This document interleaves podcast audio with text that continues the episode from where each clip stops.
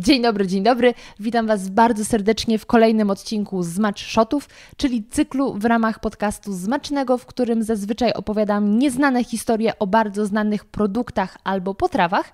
Natomiast w ramach Zmacz Shotów opowiadam o co ciekawszych doniesieniach ze świata około kulinarnego, czyli co tam słychać w różnych sieciach restauracji, y, u różnych marek, które zalewają rynek y, różnymi produktami, które po prostu kochamy, jesteśmy od nich często uzależnieni. Hashtag Pringlesy, chociaż dzisiaj akurat o Pringlesach nie będzie. I takie różne e, informacje, które zainteresują e, jedzeniowych frików, ale też nie tylko, bo okazuje się, że jedzenie otacza nas naprawdę dookoła, e, jest w każdej dziedzinie naszego życia. E, bo jedzenie wiąże się z polityką, z marketingiem, ze zdrowiem, z czasem wolnym, także jedzenie jest wszędzie. Tutaj taka przypominajka, tutaj prawdopodobnie jakąś ładną grafikę stworzyłam na ten temat, że e, materiał, który teraz oglądacie na YouTube jest również dostępny w formie podcastu we wszystkich apkach do podcastów. Natomiast jeśli e, słuchacie tego jako podcastu, to przypominam, że jestem również na YouTubie i wtedy informacje, o których mówię, są wzbogacone o obrazy, więc jeśli opisuję zdjęcie, to macie szansę je zobaczyć, a nie tylko słuchać e, mojego czasami być może koślewego e, próbowania wytłumaczenia Wam, co ja właśnie widzę. E, przechodzimy do pierwszego newsa. Firma Heinz, którą na pewno wszyscy kojarzymy z robienia ketchupu. Swoją drogą podcast o ketchupie jest, że tak powiem, in progress od mniej więcej półtora roku. Naprawdę temat ketchupu y, mam od dawna y, wzięty na tapet ale ciągle tworzy się research, więc on kiedyś powstanie i myślę, że sporo informacji Was zaskoczy. Ale teraz zaskoczy Was yy, akcja, którą wymyślił Heinz, ponieważ Heinz przy współpracy ze stroną Castify i jest to taka strona, która tworzy przepraszam, Casetify.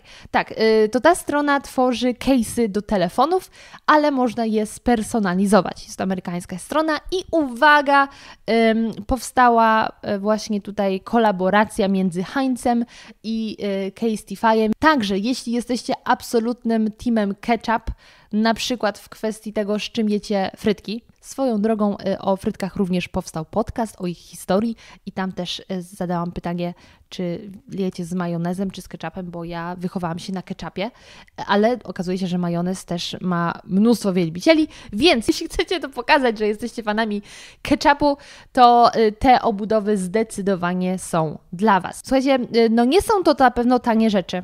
Nie są to tanie rzeczy, ponieważ tutaj ceny tych obud obudw obud, obudow, ob, tych case'ów zaczynają się od y, 45 dolców, a dolar poszedł w górę, więc no to nie są tanie rzeczy. No ale on, macie niemalże butelkę ketchupu w ręce, gdziekolwiek jesteście, to jest ekscytujące. Więc mamy taki standardowy case do telefonu z logiem Heinza w takiej bardziej bordowej albo w czerwonej wersji. Mamy również taką obudowę, gdzie na szarym tle stoją poustawiane buteleczki w rządku. To wygląda jakby był taki automat do ketchupu. Swoją drogą to by było ciekawe, gdyby na mieście stały automaty do ketchupu. No przecież każdy chyba raz w życiu miał sytuację, że szedł ulicą i nagle pomyślał mmm, zjadłbym ketchup. I know! Wiem, że też tak nie mieliście. Yy, inna obudowa to są rozrzucane buteleczki i muszę przyznać, że ta E, actually, e, ta właściwie do mnie przemawia, jest naprawdę fajna. E, I fryteczki są na niej, to jest absolutnie dla teamu ketchup, jeśli chodzi o frytki. Mm, no i mamy różne jeszcze szaleństwa na ten temat, ale jeśli nie macie mm, iPhone'a, bo tutaj głównie widzę, że są na iPhony jednak, to moi drodzy, być może macie AirPodsy. I na AirPodsy, jeśli Wasze AirPodsy się gubią i chcielibyście je gdzieś przechowywać, to również Casetify wychodzi Wam naprzeciw e, i możecie sobie kupić takie opakowanko. Jest nawet UV e, Sanitizer. Jak to się na polski tłumaczy? E, satanizer. To chyba nie o to chodziło. Co to w ogóle za satanizer? Grupa muzyczna Nice! Gocha bawi i uczy. Odkażacz y, UV. Ok, no to tak. y, możecie też mieć odkażacz UV z, logą, y, z logo Heinza, dokładnie z napisem It has to be Heinz, czyli to musi być Heinz. Nie wiem, czy w przypadku ym, produktu, który ma usuwać zarazki, napisanie, że to musi być Heinz jest dobrym pomysłem, ale w, nie wnikam. Taka przyjemność, moi drodzy, kosztuje 120 dolców. Więc jeśli macie wolne ponad 400, to to jest produkt dla Was. Dobra wiadomość jest taka, że międzynarodowa wysyłka gratis. Teraz przejdziemy do artykułu, który znalazłam na stronie e, Business Insider w wersji e, amerykańskiej tej strony, w wydaniu amerykańskim.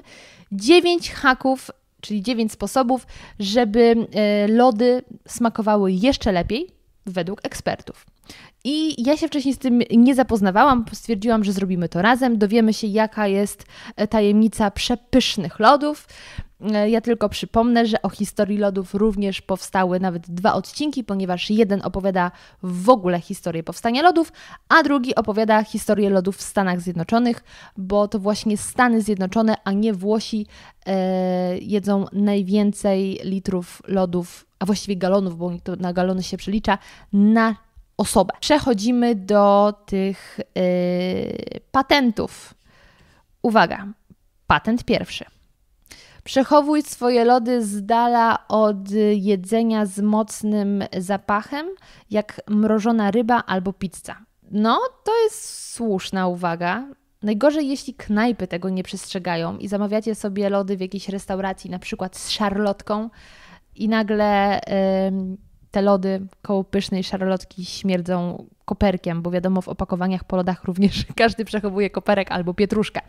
Więc no, to jest dobra uwaga. Chociaż z drugiej strony, no nie każdy ma na tyle duży zamrażalnik, żeby sobie móc pozwolić na jakąś specjalną przestrzeń wyłącznie dla lodów, no chyba, że e, lody to życie dla niego i wtedy jest w stanie poświęcić e, na przykład e, obiad. Kolejne. Dla lepszej tekstury lodów przechowuj je z tyłu zamrażalnika. I od razu czytam wytłumaczenie, dlaczego tak jest.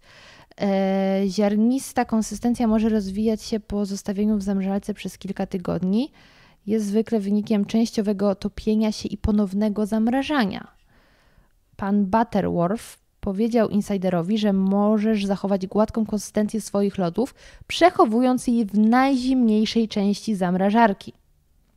Przechowuj lody z tyłu, a nigdy w bocznych drzwiach. A, widzicie, bo ja nie wiem, przepraszam, może, może tak jest, ale wydaje mi się, że w polskich zamrażalnikach nie ma drzwiczków, w sensie nie ma półek na drzwiczkach, tylko my mamy yy, szuflady, a a na drzwiach, no to wtedy ma sens, bo to faktycznie jak się otwiera, to się za każdym razem rozmraża.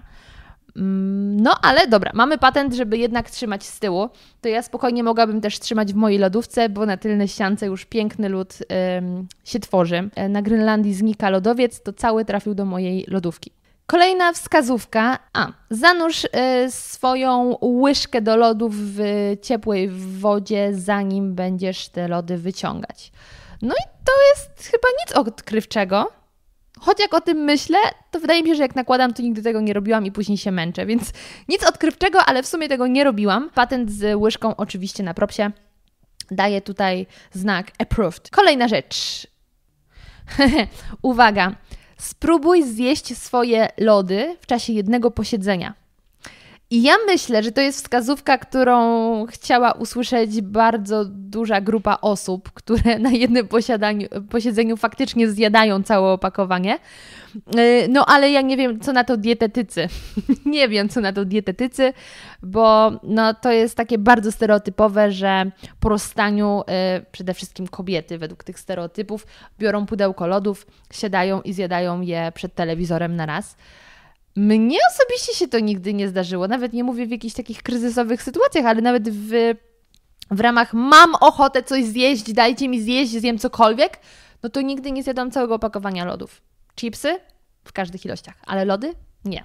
Natomiast tak się zaleca, ponieważ e, po wyciągnięciu lodów z zamrażalnika one znowu właśnie tracą już tą swoją początkową teksturę. Wynika to z faktu, że są wyciągane na zewnątrz, się troszeczkę rozmrażają, potem są znowu mrożone i to już nie jest ta idealna konsystencja, którą dostarczyli nam producenci. Kolejna wskazówka jest dość zaskakująca i brzmi: y, do jedzenia lodów używaj normalnych, takich posrebrzanych, takich metalowych y, sztućców, a nie tych wykonanych z drewna, lub tu jest napisane ze skrobi kukurydzianej. I teraz się zastanawiam, czy ja kiedykolwiek widziałam łyżkę wykonaną ze skrobi. Nie sądzę, widziałam różne rzeczy plastikowe, najbardziej takie popularne. Widziałam drewniane faktycznie, ale to jest zwykle bardziej taka sklejka niż takie drewno-drewno. Ale ze skrobi ziemniaczanej? Kolejna wskazówka mówi o temperowaniu. E, słowo temper jest przetłumaczone jako temperowanie, więc załóżmy. Chodzi o temperowanie lodów, czyli przed podaniem ich przełożyć na pewien czas do lodówki, żeby one utraciły tą swoją bardzo niską temperaturę, czyli po prostu ją podwyższyły, żeby podwyższyły swoją temperaturę lekko. I tutaj y, pani Shurilla zaleca, aby to było mniej więcej 15-25 minut w lodówce, zanim zostaną one podane y, już tak do jedzenia. I tutaj jest wskazówka, żeby za nic nie rozmrażać ich, nie temperować w mikrofalówce. I zastanawiam się, czy to nie jest ten case, a propos wcześniejszych case'ów, kiedy y, na opakowaniach nawet butów sprzedawanych w Stanach Zjednoczonych jest wymienione milion rzeczy, których nie wolno robić z tymi butami, do, którego, do których one nie zostały stworzone, na wypadek, gdyby ktoś z Amerykanów wpadł na pomysł, żeby właśnie w jakimś e, niecnym celu ich użyć, a potem zaskarżył firmę do sądu, bo przecież w Stanach może nawet Boga do sądu podać. Więc to ta wskazówka, żeby nie dawać lodów do mikrofalówki, chyba dlatego pojawiła się na amerykańskiej stronie. Kolejna wskazówka brzmi: podawaj swoje lody z mm, różnymi dodatkami mm, o różnych smakach i konsystencjach.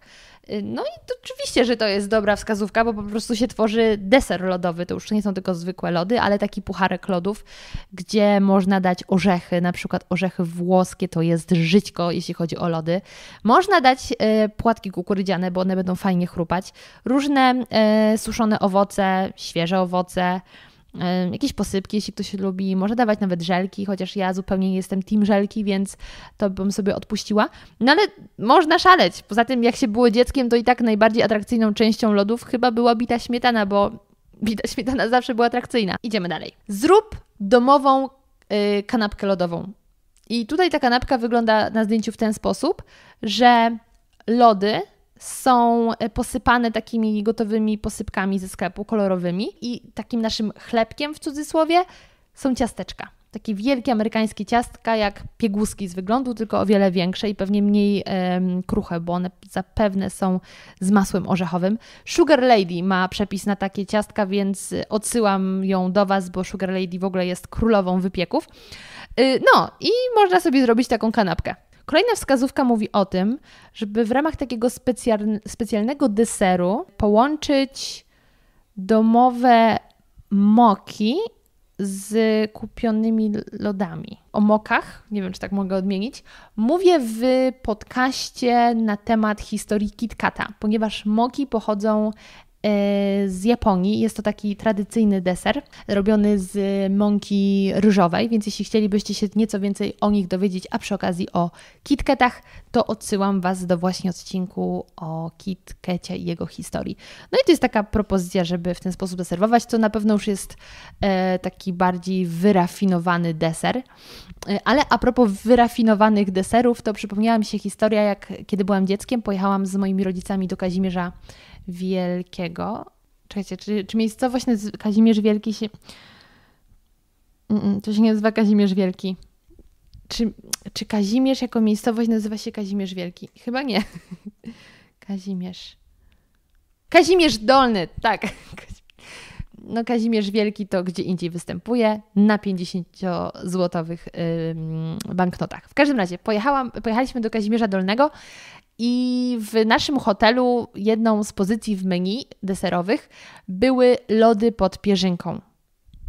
I wiecie, no ja byłam dzieckiem, więc sobie wyobraziłam, że za chwilę wjadą mi tutaj piękne lody oblane chorą ilością bitej śmietany, bo przecież bita śmietana jest taką pierzynką.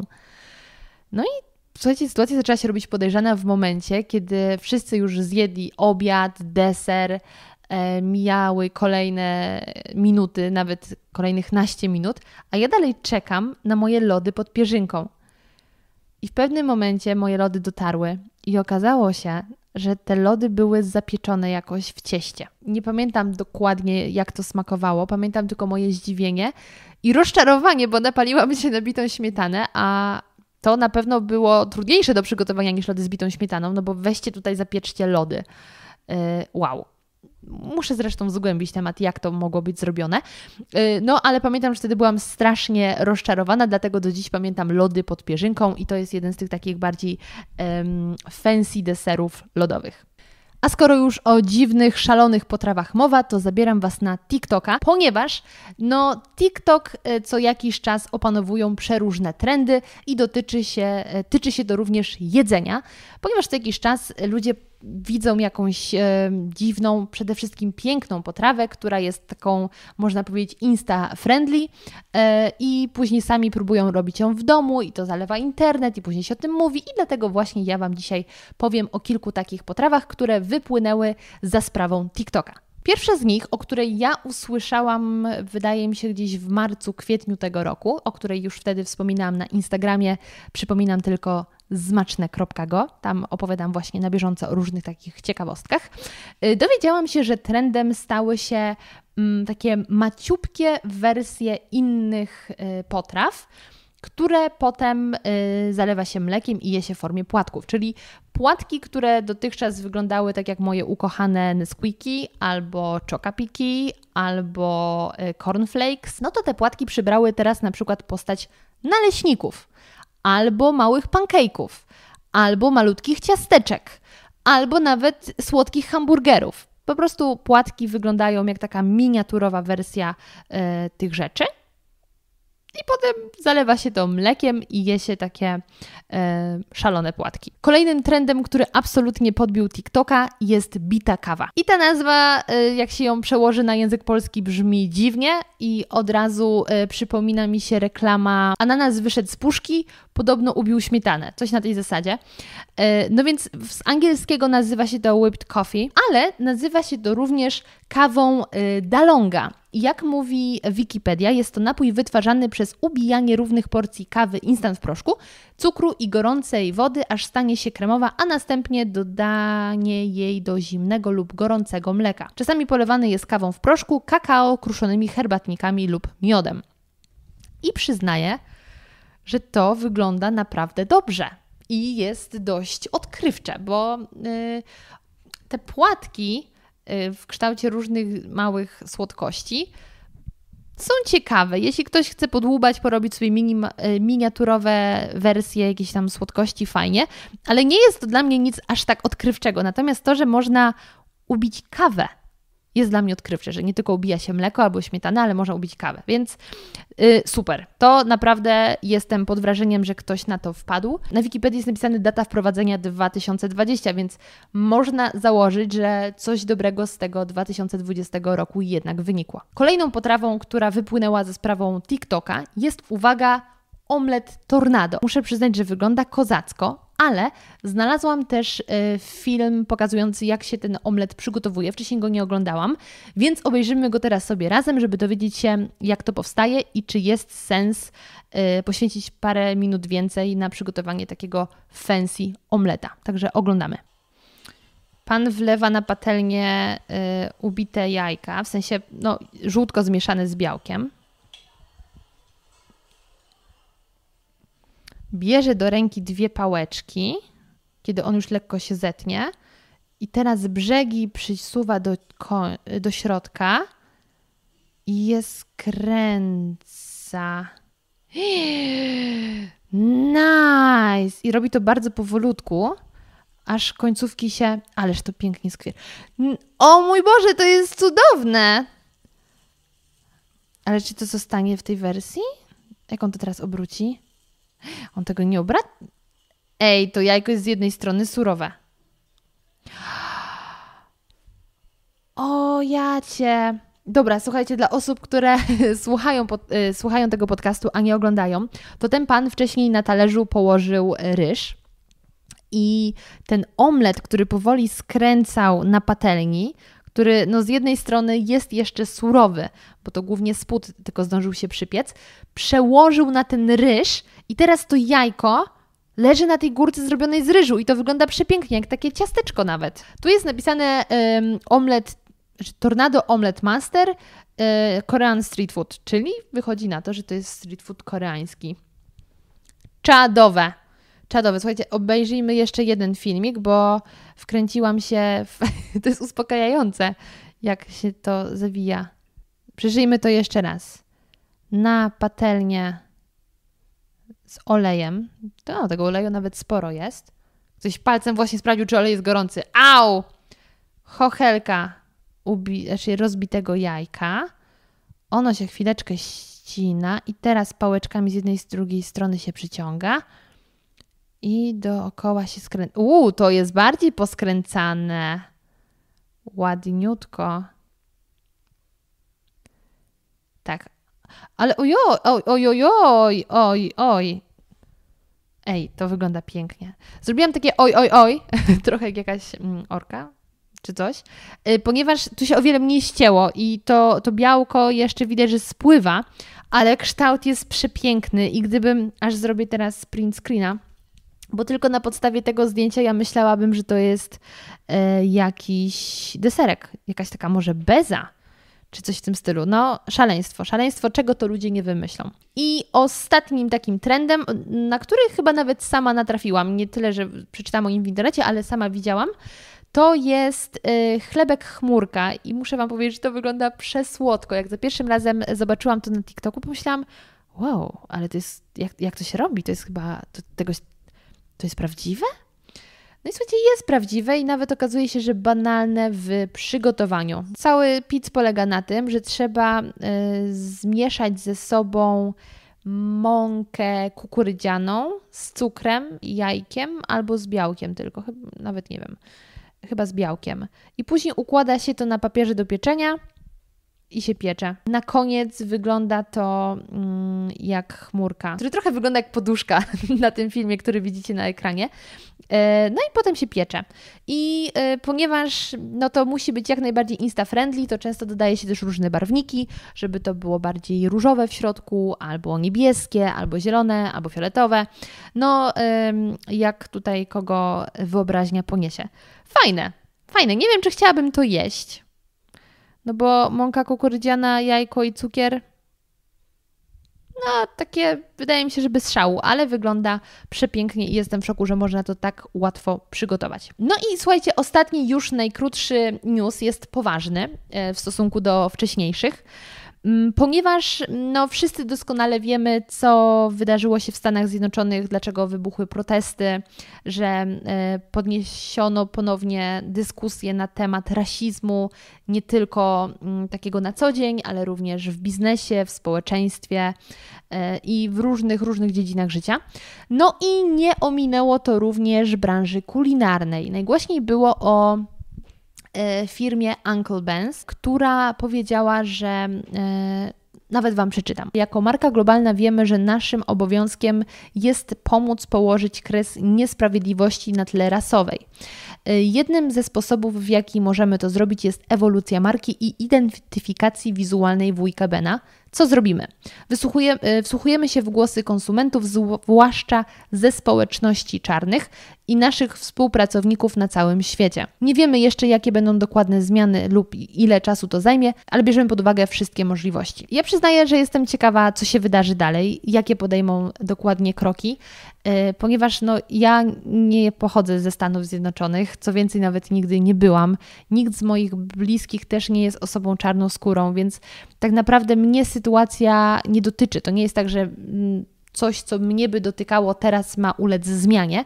E, I też trudno jest mi właśnie wejść w buty i zrozumieć, e, jakie działania byłyby dobre. Natomiast pod, e, pod tym wpisem pojawiło się, mm, pojawił się komentarz jednego pana, który napisał, że rozmawiałem z moim przyjacielem, projektantem Mikelem Barnhartem. Wyjaśnił, że słowo wujek jest obraźliwe na południu, kiedy pan powinien być używany, a nie był. Czyli mówiło się wujek zamiast pan, czyli uncle zamiast e, mister. Dorastałem z tą marką na północy i nigdy nie wiedziałem, że jest to, e, że jest obraźliwa. I jak później zaczęłam czytać, to w innym artykule przeczytałam, że to nie do końca jest tak, że określenie uncle, jak się do kogoś mówiło, było obraźliwe, tylko właśnie w tym rejonie do swoich mówiło się auntie i uncle, czyli ciocia i wujek, a do osób z zewnątrz, tych, których się nie lubiło, mówiło się Mr. i Mrs. Także nie wiem, y, ile do końca jest w tym prawdy. Y, no niemniej firma Uncle Ben zdecydowała się podjąć tutaj kroki i wprowadzić różne zmiany, więc zobaczymy, co się wydarzy, w jakim pójdzie to dokładnie kierunku. Stwierdziłam, że warto się odrobinkę nad tą marką pochylić, bo kim właściwie jest ten Uncle Ben? Imię i postać wujka Bena nie wzięły się jednak znikąd. W tym okresie w amerykańskim stanie Teksas najbardziej cenionym hodowcą ryżu był farmer powszechny znany jako wuj Ben i tak jego imię stało się synonimem najlepszej jakości ryżu par Paraboilet na świecie. I rozmawiając o wdrożeniu produktów Uncle Ben, założyciele firmy doszli do wniosku, że wujek Ben potrzebuje twarzy.